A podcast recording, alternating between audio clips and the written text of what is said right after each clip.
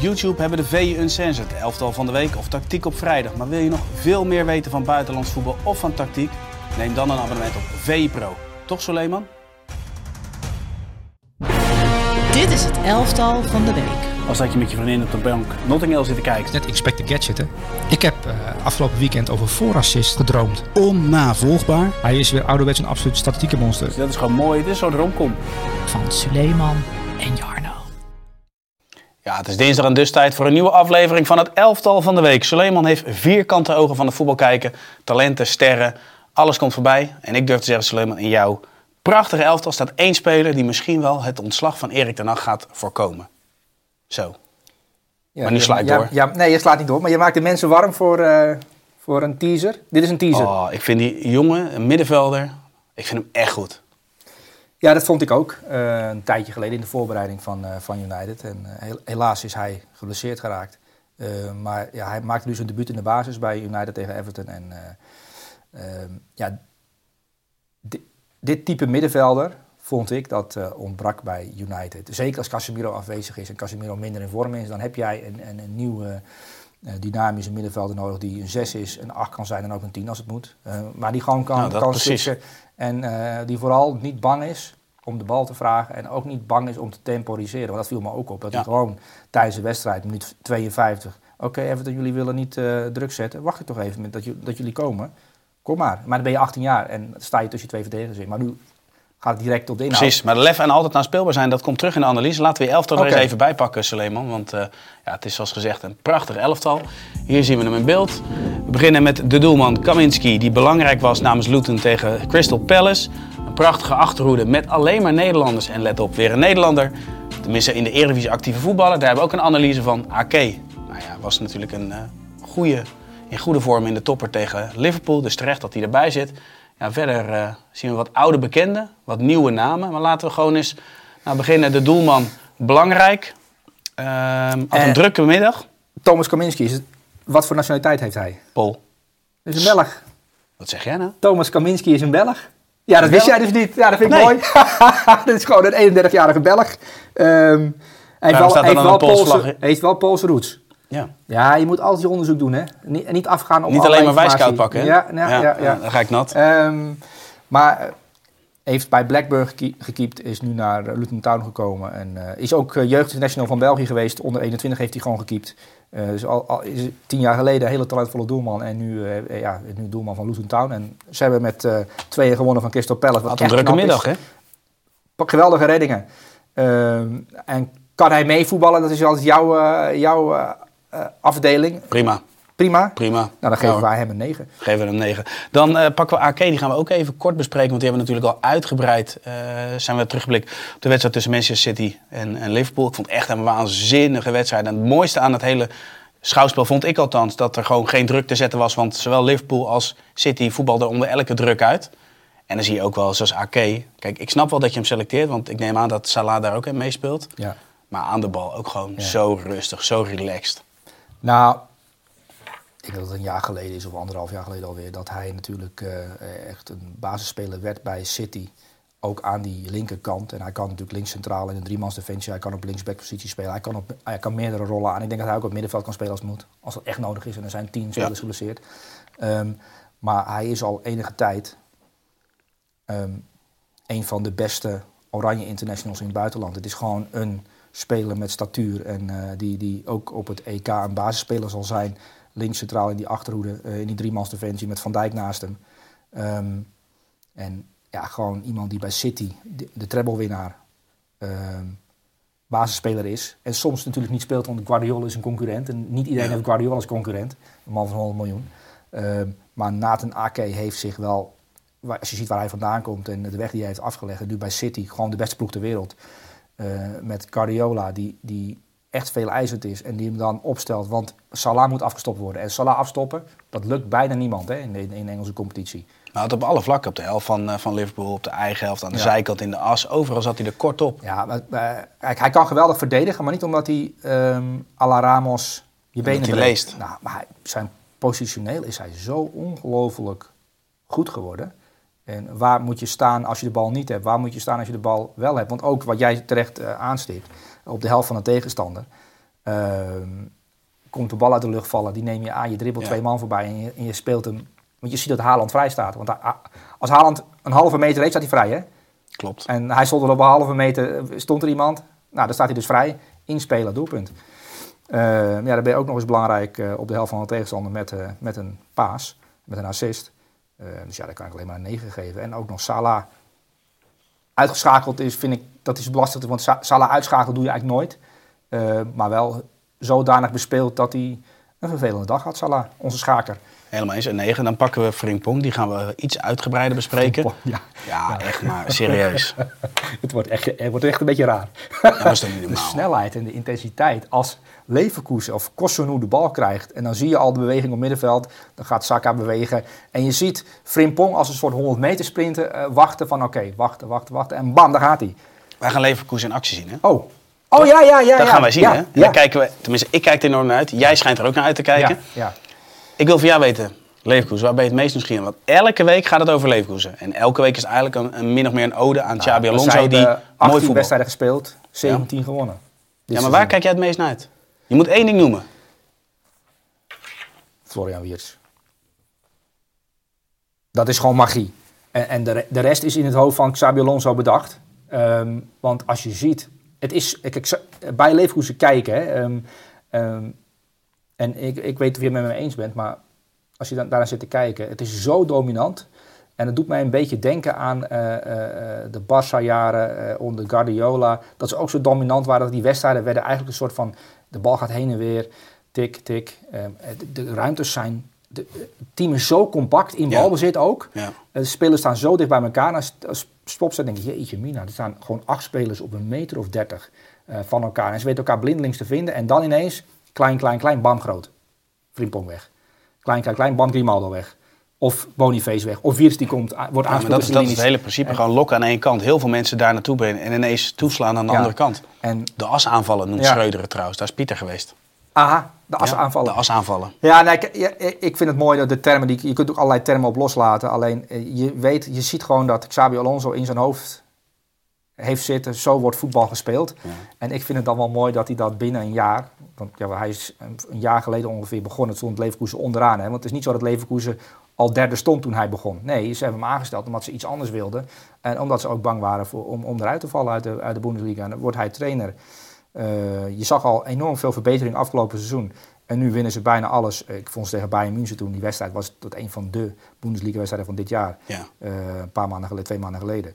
Eh, en nu, ja, ik, ik kon ook weer uh, Korsenu eruit pikken, bijvoorbeeld. Eh, want die was, Palacios, Chaka, je had ze allemaal ja, we hadden ze allemaal weer kunnen Ja. selecteren. Alleen ja, om na elke week alle elf van Bayer Leverkusen te, eh, te bespreken, dat, dat, dan wordt het een soort kunstproject. Ja. En dat is een beetje gek. Ehm, Maar Dus- toch, hè. de- je- je- maar het- Frimpong hoort eigenlijk in de basis staan bij Oranje als je hem ziet spelen. Want net als Grimaldo basisspeler is bij Spanje nu, hè? Ja, oké, maar dan, dan, dan zeggen dus eigenlijk dat Dumfries niet mag spelen. Nee, dan zeg ik dat ze allebei moeten spelen. Dan moet je Ja, hoe creatief dan? zijn.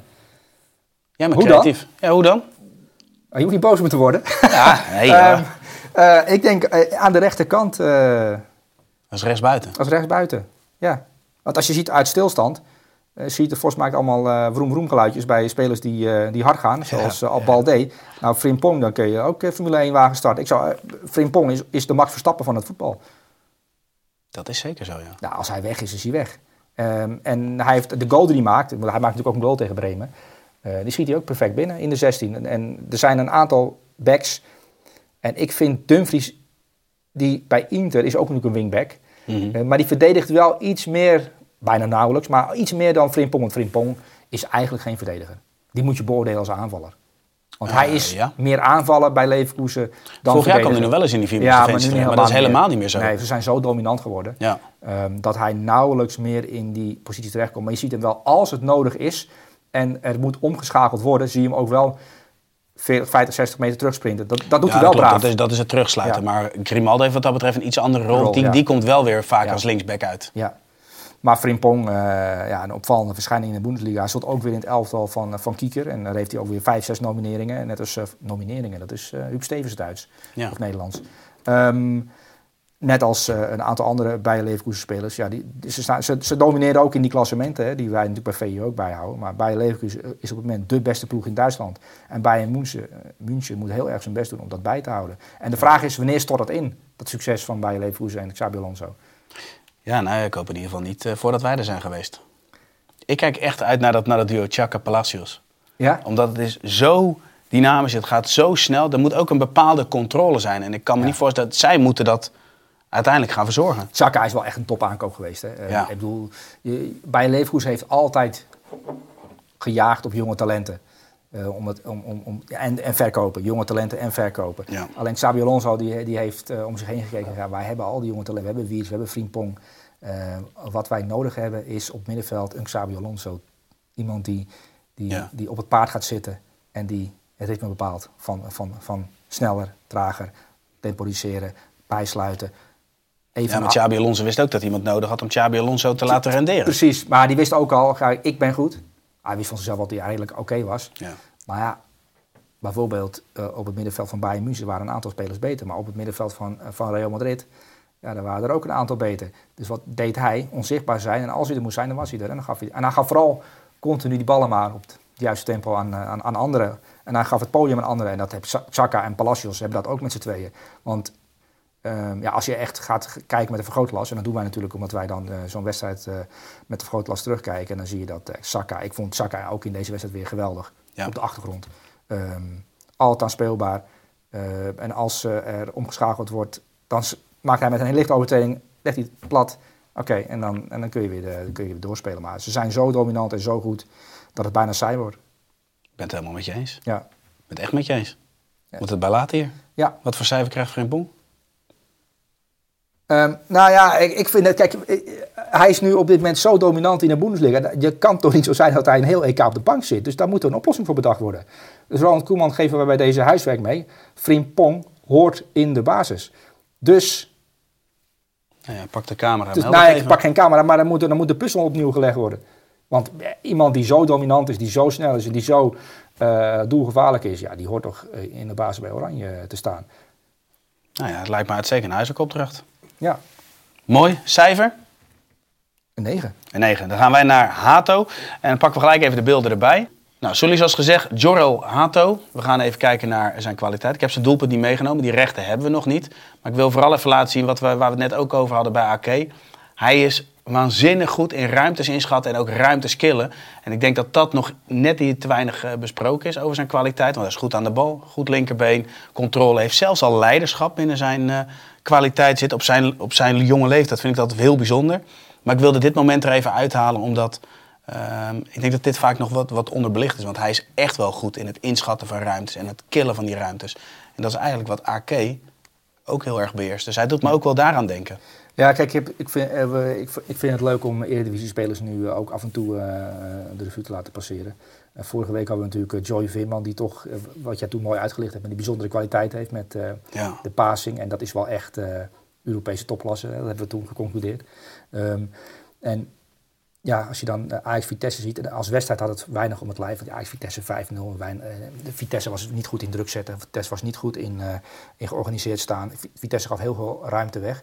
Maar als je dan toch naar Joral Hato gaat kijken, die 17 is, die pas in maart 18 wordt. Die is echt een jonge gozer is, die net in Oranje zijn debuut Hij heeft de aanvoerdersband al omgehad. hè? Ja, de aanvoerdersband al omgehad. Ehm, maar ik vond hem tegen Vitesse en, eh, en die goal in die eerste minuten natuurlijk eh, het, het, het bijsluiten, erbij komen. Maar ook op hoge snelheid de techniek bewaren als een verdediger. Je ziet wel dat hij vanuit een bepaalde opleiding komt. En eh, hij doet me een klein beetje denken in balbezit ook aan de rust en kalmte die hij heeft. Het gemak waarmee hij voetbalt aan Timber. En, en hij is natuurlijk niet al te lang, dat is 1,82 meter. Nou, dat is niet een kolos van een verdediger. Ehm, maar hij is vooral op basis van zijn techniek, eh, weet hij daar met moe- ja, eh, weet je, moeiteloos mee te, mee te draaien. Ehm, maar wat mij opviel tegen Vitesse is eh, kleine dingetjes, handgebaartjes. Jongens, kalm, rustig aan, geef mij de bal maar. Maar ook, het ging, je kan zeggen hoe slecht Vitesse is, maar als Vitesse dan druk probeert te zetten met één klein simpel tikje naar links, angel eruit gehaald en Vitesse... Ja, maar ik geloof dan- ook altijd wel dat een, dat een ploeg een tegenstander slechter kan maken dan ze zijn. En Hato maakt aanvallen slechter. Doordat Ja. hij, zijn handelingssnelheid is op voor een 17-jarige al best wel hoog. Maar hij maakt ook heel weinig. Hij is zo zuiver in, in balbezit dat hij ook weinig fouten maakt. Dus een tegenstander weinig gelegenheden geeft om gevaarlijk te worden. Hè? Ja. Eh, dat is, zit ook wel in zijn spel. eh, nu al in zijn spel. En, en op deze leeftijd denk je, jeetje mina. En dat is toch wel... En, en dan moet je Maurice Stijn toch nageven dat hij dat... is een van de weinige dingen... Of een- het is eigenlijk het enige wat Maurice Stijn goed heeft gedaan... eh, dit jaar in Amsterdam bij Ajax. Dat is gewoon kiezen voor Joral Hato. Toen iedereen dacht van jeetje, al die aankopen, wat ben je nou aan het doen? Ja. Waarom kies je voor Joral Hato? Maar ehm, ja, als je van dichtbij Joral Hato aan het werk ziet... en je gaat je erop focussen... eh, en, en, en je ziet ook in deze weken, of in de afgelopen weken, wat hij allemaal eh, mee heeft gemaakt. Debuut bij Oranje, bij Oranje komen. ehm. maar ik vind het gewoon leuk om naar te kijken dat een, een jongen van 17 jaar zo makkelijk het oppakt. En natuurlijk in het begin, ik was wel sceptisch. Ik dacht, oh, jeetje, Mina, 17 jaar er zo ingooien. eh, Is dat een Mhm. soort statement? Van kijk mij eens eh, dapper zijn als trainer. Want soms denk je dat. Hè? Ehm, maar als je niet ziet hoe hij per week bijna eh, stappen zet en beter wordt, dan is dit eh, een jongen die, eh, die zodanig snel een ontwikkeling doormaakt dat ik denk dat alle topclubs in Europa, en, eh, misschien vind je mij eh, nu overdreven, maar ik denk het niet, als hij eh, zich zo doorontwikkelt, ehm, ja, dan gaan al die clubs, heb ik het over Arsenal en City, naar hem zitten kijken en denk je, jeetje Mina, ehm, hij, kan, hij kan, wat jij liet zien, groot, met grote ruimtes in zijn rug spelen. Ja. Ehm, hij kan, Rustig aan de bal. hij is ongelooflijk goed in, in opbouwen. Ja, als- in elke situatie, als linksback, als Ja. centrale, als in een driemans defensie, hij kan vanuit elke situatie, is hij rustig aan de bal en weet hij de oplossing En wat je nu ook ziet, is dat hij heeft natuurlijk bepaalde kwaliteiten. En dat is ook aan de bal heeft hij die kwaliteiten. Hij is technisch goed onderlegd, goede passing. En als het middenveld beter is georganiseerd, en dat is nu beter georganiseerd, en ze hebben spelen met iets meer vertrouwen, en je ziet dat er meer opties zijn voor hem ook, dat het een- voor hem ook makkelijker geworden is. Ja. Dus het elftal zit beter in elkaar. Eh, en ja, dit is een wel een interessante speler. En eh, Bart Vrouws, onze, eh, onze dataman, die had een tweetje een paar dagen geleden dat hij in 2029 nog op het, op het jeugd-EK kan meedoen. Zo jong is hij nog. Moet je even nagaan. Het is nu 2023, bijna Ja. 2024. Hij kan in 2029 nog mee met Jong Oranje naar, het, eh, naar een jeugd-EK. En misschien heeft hij dan al Dus- een toernooi achter, achter En- zijn naam. Nou, Misschien zelfs nou, meer. misschien heeft hij, is hij dan al Europees kampioen of wereldkampioen. Dat kan. Ehm, Bijzonder. Ja, nee, maar, dit, om, om, maar je moet soms even stilstaan bij Joral Hato is 17 jaar. Ehm, en, en ja, jij begint over de aanvoerdersband en dat mag voor mij. Eh, Oranje, daar heeft natuurlijk bij gezeten nu. Ook omdat er een aantal eh, spelers niet waren. Ehm, maar dit is een speler ja, die vertegenwoordigt een waarde van 100 miljoen euro op dit moment, denk ik. Als je Ja. gaat denken in de toekomst. En misschien wordt het wel de eerste speler van Ajax die voor meer dan 100 miljoen euro verkocht wordt. Ik bedoel, Guardiol, die naam al Zagreb, is natuurlijk ook een jongen die dan al op ze- zeer jonge leeftijd al bij het eerste elftal komt. Met, eh, met de Kroatië eh, een, een eindronde meemaakt en dan naar City gaat. Nou, Joral Hato, als je zijn profiel gaat bekijken, heeft dat soort kwaliteiten. Een jongen die kan linksback spelen, links centraal spelen. Dat hebben we wel kunnen zien al. Ja, ja, ja. Ehm, is goed aan de bal, is goed verdedigend. Aanvallend koppen, dat kan hij ook. Ehm, dus het is een, een totaalpakket. En, en, en ik denk dat eh, als Virgil van Dijk met pensioen gaat in Oranje. Ja, ho, Dan- we hebben nog Pascal Struik, we hebben nog Botman, we hebben nog Mickey van der Ven. Ja. Het is wel dringen, hè? Ja, maar zegt, uiteindelijk ja, moet er één wil- de beste zijn. En ik denk dat als je gaat kijken naar... eh, Maar is dit ook een huiswerkopdracht voor Koeman? Want ik bedoel, Frimpong en Dumfries moeten samen in een team. Moeten we ook nog Mickey van der Ven, Van Dijk? Nee, dat niet, hè? Nee, nee, Oké. nee. Nou, Mickey van der Ven eh, vond ik wel de eerste drie maanden bij, eh, bij Tottenham echt indrukwekkend. Ja, Ook omdat ja, hij een trainer heeft die, die op een bepaalde manier speelt. Maar daar heb je natuurlijk wel mee te maken. eh, want ik vond bijvoorbeeld Timber in zijn laatste periode bij Ajax was echt dat je denkt van jeetje, dat is niet, dat is niet de Timber die wij kennen. Maar bij, ja, helaas bij Ars, Arsenal geblesseerd raakt is ook nog trouwens een optie. Hè? Ja. Eh, dus je, je, je kunt nog tien verdedigers opnemen. Maakte wel indruk in zijn eerste Maar periode. het is wel jammer dat het weer een centrale verdediger is. Het is jammer dat Joral Hato geen nummer 9 is. Of een linksbuiten of een rechtsbuiten. Dat had het wel, eh, dat, dan had denk de opwinding nog iets groter geweest. Een 17-jarige die eh à la Mbappé indruk maakt. Eh, dat is, het, daar is het wacht eigenlijk op. Dat zou mooi zijn, ja. Ja. Ja, daar ben ik helemaal met je eens. Wat voor cijfer krijgt eh, Hato voor zijn optreden tegen Vitesse? Nou, een achter moeten we moeten, we moeten, we moeten Rustig down brengen. to earth. Ja. Eens. Zullen we dan gelijk ehm, een bruggetje maken naar Kudus? Want je hebt het over een rechtsbuiten, weet je, dat Ja. we die zouden kunnen gebruiken. Laten we wat beelden bij, erbij pakken van, van Kudus, die indruk maakt bij West Ham United. Op de klok nog vijf minuten, staan 1-0 achter tegen Burnley. In deze situatie omringd door vier personen. Nou, dan zie je straks in het volgende beeld dat die vier personen zijn echt alleen met Kudus bezig. Nou, deze situatie, van voor, van achter, hij wordt ingekapseld, komt er vervolgens uit. En kijk wat er gebeurt. Daar komt een doelpunt uit. Ja, en hij wordt ingetikt door een eh, jonge invaller, Moe Bama. Ja, En ehm, dat is ook wel een leuke speler om in de gaten te houden bij West Ham. En eh Moe Bama, zeker. Eh, want die, die maakte de goal. En, ja, En om het verhaal even compleet te maken, vlak daarna, de voorzet op Soetjek, 2-1 winst. Een mooie Hij was niet te houden op rechts. Nou, wat ik, eh, kijk, Mohamed Kudus speelt bij West Ham en Paqueta speelde op links. Eh, en dan heb je, ehm, wie speelde nou in het centrum? Sujek speelde in het Ja. centrum op 10. En dan had je Kudus op rechts. En ik vond, als je de wedstrijd bekeken tegen, tegen Burnley. Burnley is natuurlijk een ploeg die graag de bal heeft, die wil, die, wil, die wil gecontroleerd aanvallen. De Scooters was vooral bezig met het ja, met, eigenlijk met een soort van rechter middenvelder rechtsback spelen. Hij moest allerlei ruimtes belopen. Maar wat ik, wat ik opvallend vond, is dat Koeroes dat heel gedisciplineerd deed. Die heel taakbewust speelde. Ehm, alleen ja, in de slotfase stonden 1-0 achter West Ham.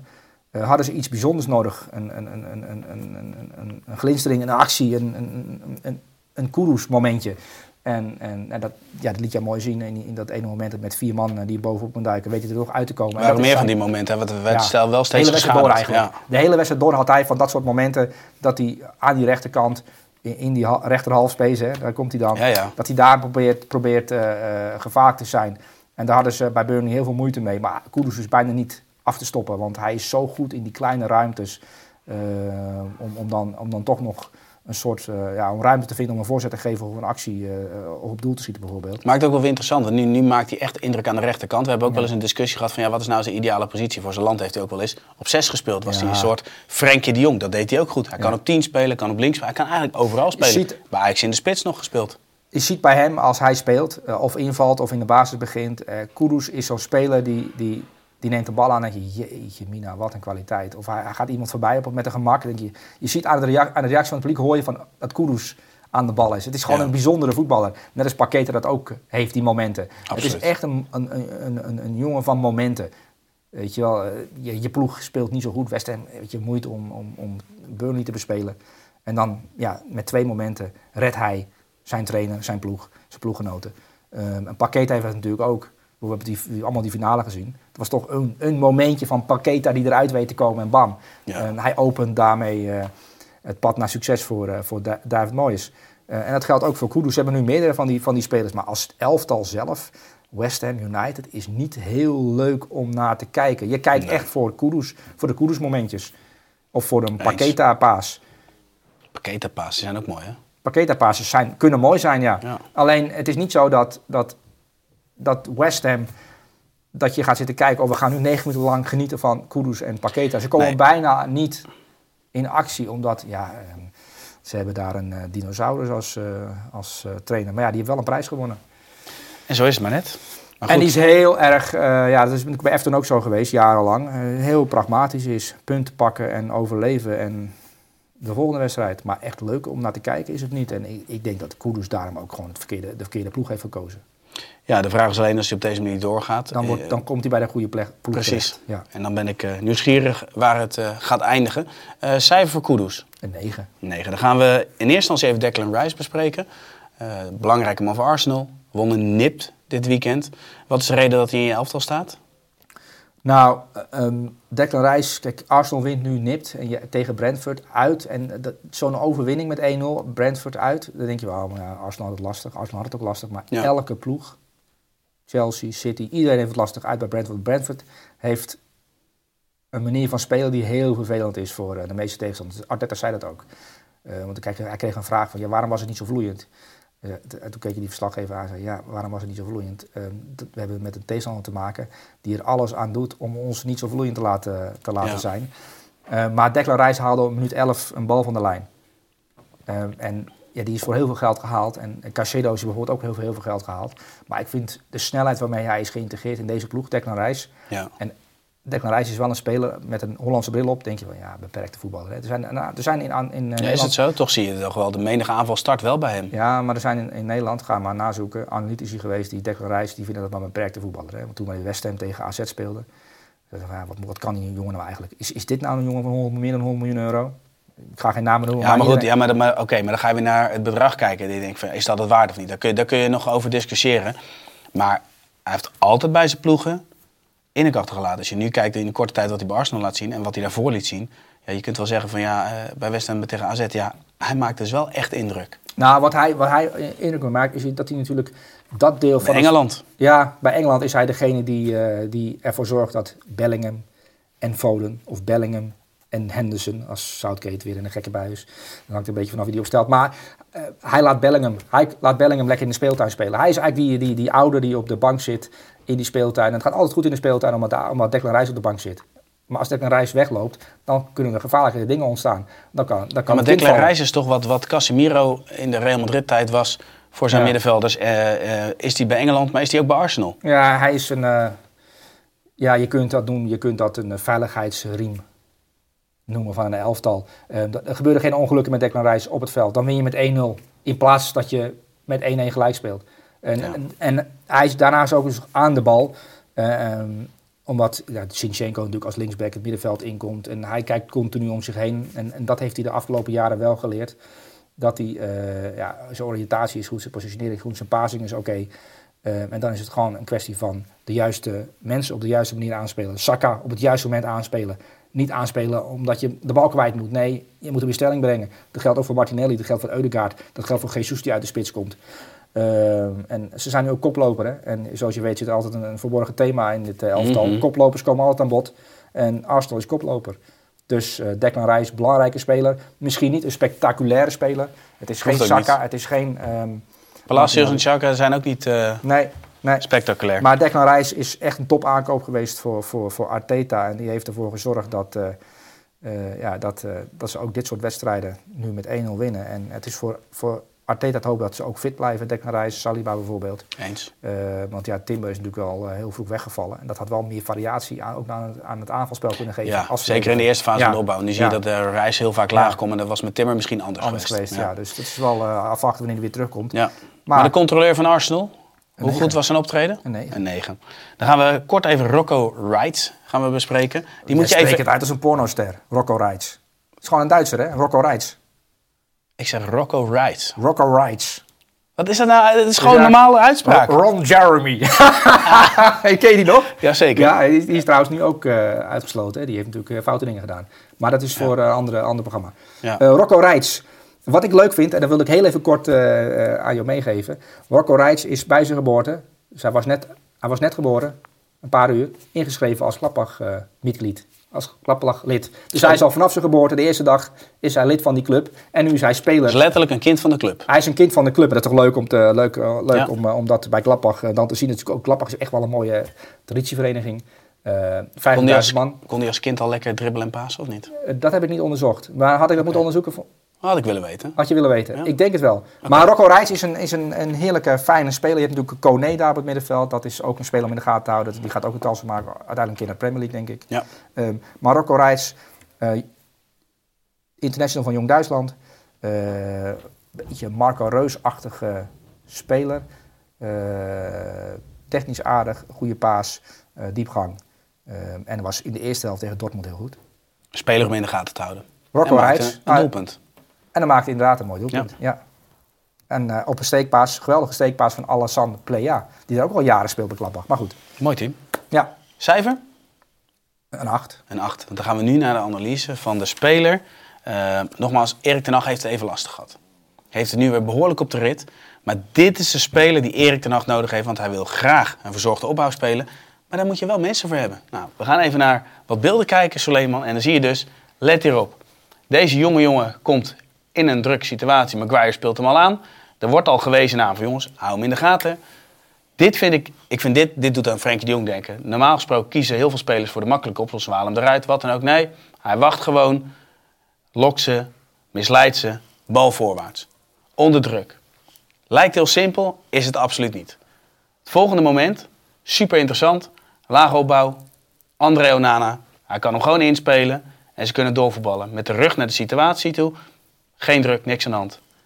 En wat ik hiermee aan wil tonen, hij heeft overal op het veld heeft hij de bal naar zich toe getrokken. Ja. Of het op links of rechts, tussen de centrale, vlak daarvoor. Continu zag je dat hij het spel naar zich toe trok. En dat vind ik wel, nou ja, als je dan hebt over zo'n jonge jongen, die zo bepalend is. Want het leek wel alsof bij, bij Barcelona de eerste bal moest naar Busquets. Ja. Nou, dat gevoel kreeg ik bij hem nu ook. Ja, kijk. Ja. Ja eh, eh, kijk, Kobe Mino die maakte eh, afgelopen jaar natuurlijk al indruk in de jeugd van Manchester United. Is er natuurlijk bijgehaald bij de eerste elftal. Helaas geblesseerd geraakt in het begin van het seizoen. Ehm, maar je ziet wel dat hij een type speler is die een elftal op adem laat komen. Die een elftal, als, je, als je de intentie hebt om van achteruit op te bouwen met Onana, met Lisandro Martinez, die nu ook geblesseerd is, maar ook met Luke Shaw natuurlijk, die Ja. er weer bij is. Eh, met Maguire, want die zijn kwaliteit is natuurlijk ook van achteruit eh, mensen zoeken. Alleen, als je die mensen op het middenveld niet hebt, dan zien die verdedigers en die doelman Onana er vaak zo slecht uit. Want het is natuurlijk een, eerder dit seizoen is het een aantal keer fout gegaan van achteruit. Dat Ja. je denkt, jezus, wat is dit joh? Hoe slecht is dit wel niet?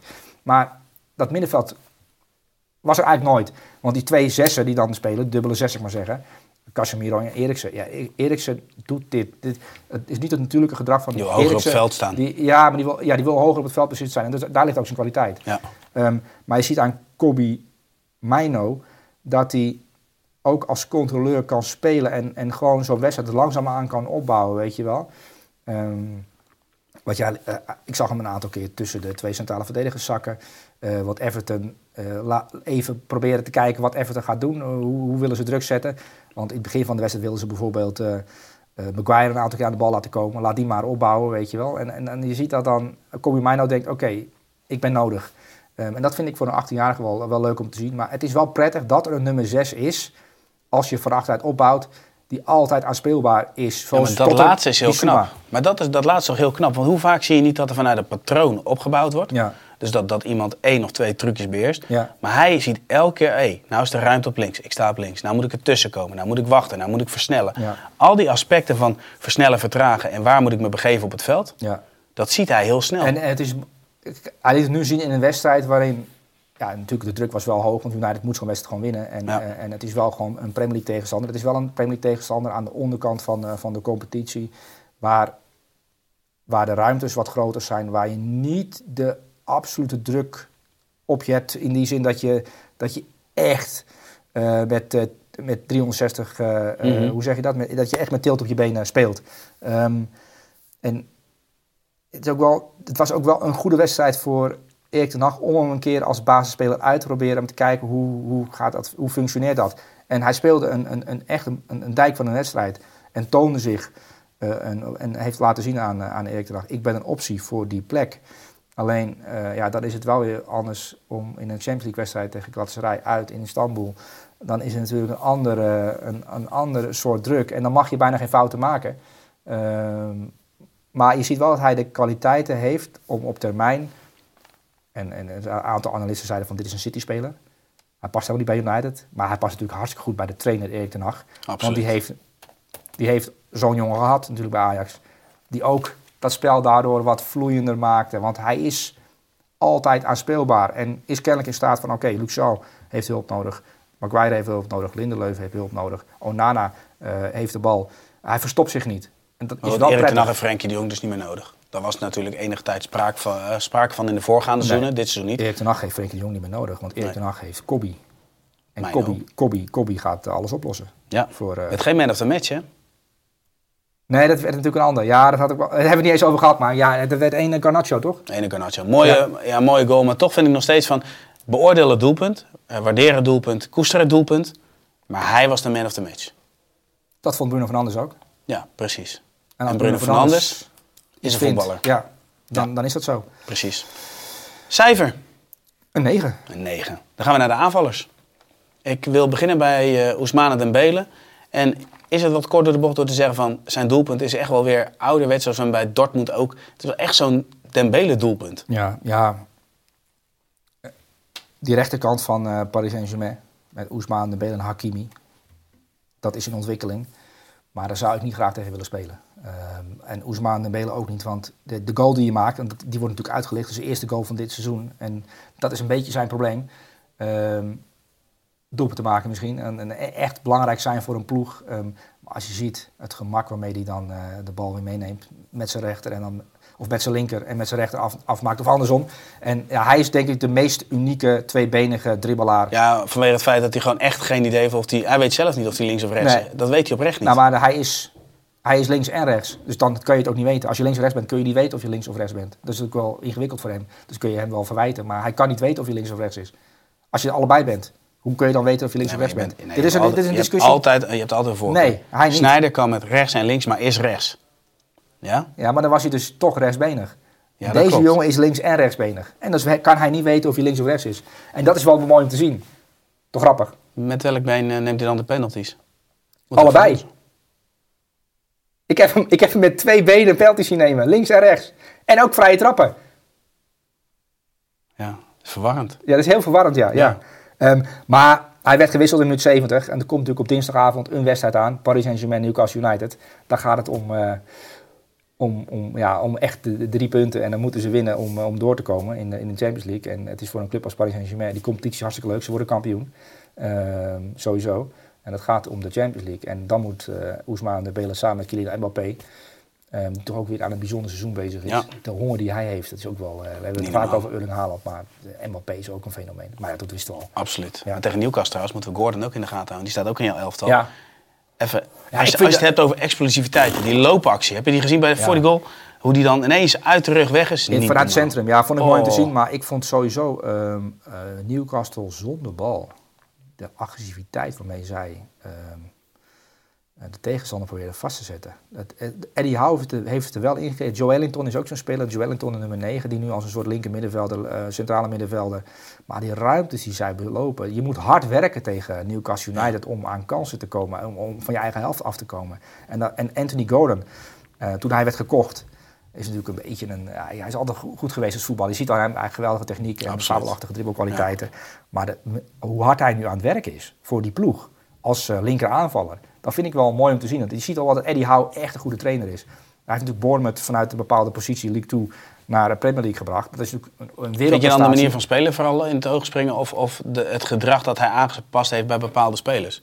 Nou, eh, hij heeft, eh, ik vind de manier waarop hij zo'n ploeg eh, heeft neergezet, maar ook de groei van individuele spelers vind ik wel bijzonder om te zien. Maar ook Joe Wellington, die het nu heerlijk vindt om à la, à la Bruno Guimaraes gewoon ongelooflijk hard te werken. Dat vinden ze schitterend daar op St. James Park. Maar ook Anthony Gordon, toch een beetje een flegmatieke dribbelaar. Ik heb ook idee dat het een bijzondere jongen is als ik hem zo zie. Ja, ja, en dat hij toch eh, de power en eh, dynamiek in zijn spel legt. En ja, ehm, ik heb hier staan Anthony Gordon, Reece James, aanvoerder van Chelsea.